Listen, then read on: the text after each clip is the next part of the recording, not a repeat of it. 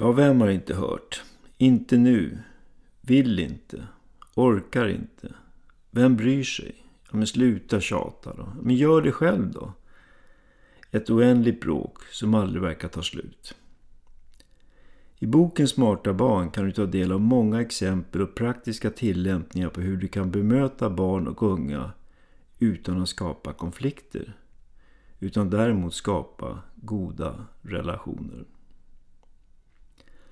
Barn och unga funderar väldigt ofta på vem de är och vad de gör. Så det vi vuxna kan göra är att hjälpa dem att hitta en identitet. Stärka deras självtillit och självkänsla. Ett mycket bra sätt kan vara att bekräfta egenskaper som de själva inte känner till. Till exempel om barnet säger Jag vet inte. Så du vet inte. Mm. Det låter som du är en noggrann person. Du vill verkligen veta. Jaha? Ja, om du inte vet så gör du inget. Det låter klokt. På det här sättet får barnet två egenskaper. Dels att man är noggrann och dels att man är klok. Vilket stärker barnens identitet. Så om barn inte vill är de oftast självständiga, ihärdiga, målinriktade och viljestarka. Egenskaper som är viktiga till exempel för studier i skolan.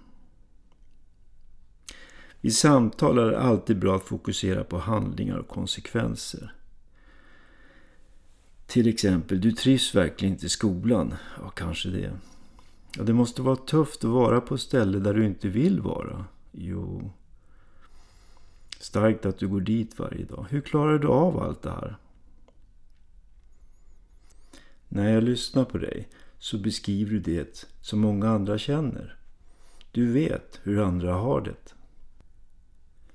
Genom reflektioner väcker man en tanke om att det finns egenskaper och styrkor att klara av en situation som ibland är lite jobbig. Undvik gärna kontrollfrågor såsom Har du gjort läxan? Har du borstat tänderna? Vad har du gjort i skolan idag? Kontrollfrågor upplevs ofta som ett förhör.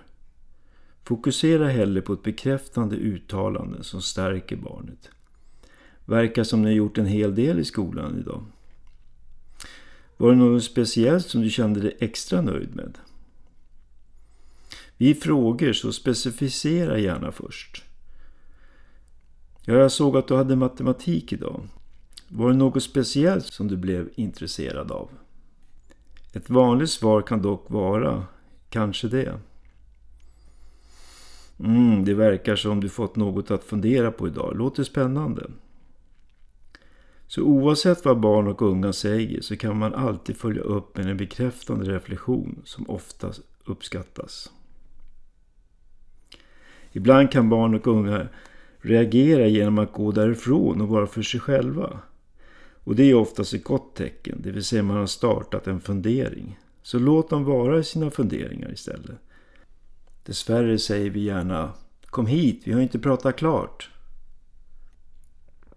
En vanlig sak som barn och unga oftast reagerar på är att vi vuxna vill så mycket. Vi vill att de ska vara på ett visst sätt. Vi vill att de ska göra på ett visst sätt. Vi vill att de ska lyckas på många olika sätt. När barnen känner att vi inte vill så mycket utan vi följer med och stöttar vårt barn i deras vilja då uppstår en mycket god relation som ofta utmynnar i att barnet presterar och börjar göra saker som du minst anade. Det finns kvaliteter. Boken Smarta barn kan du beställa från Adlibris och Bokus. Du kan läsa om strategier och många goda exempel på hur du kan hitta lösningar på både komplexa och enkla situationer som kommer att medföra att du får en väldigt god och långvarig relation med de barnen som är viktiga för dig. Du blir en medresenär på deras resa. Tack för att du ville lyssna en liten stund.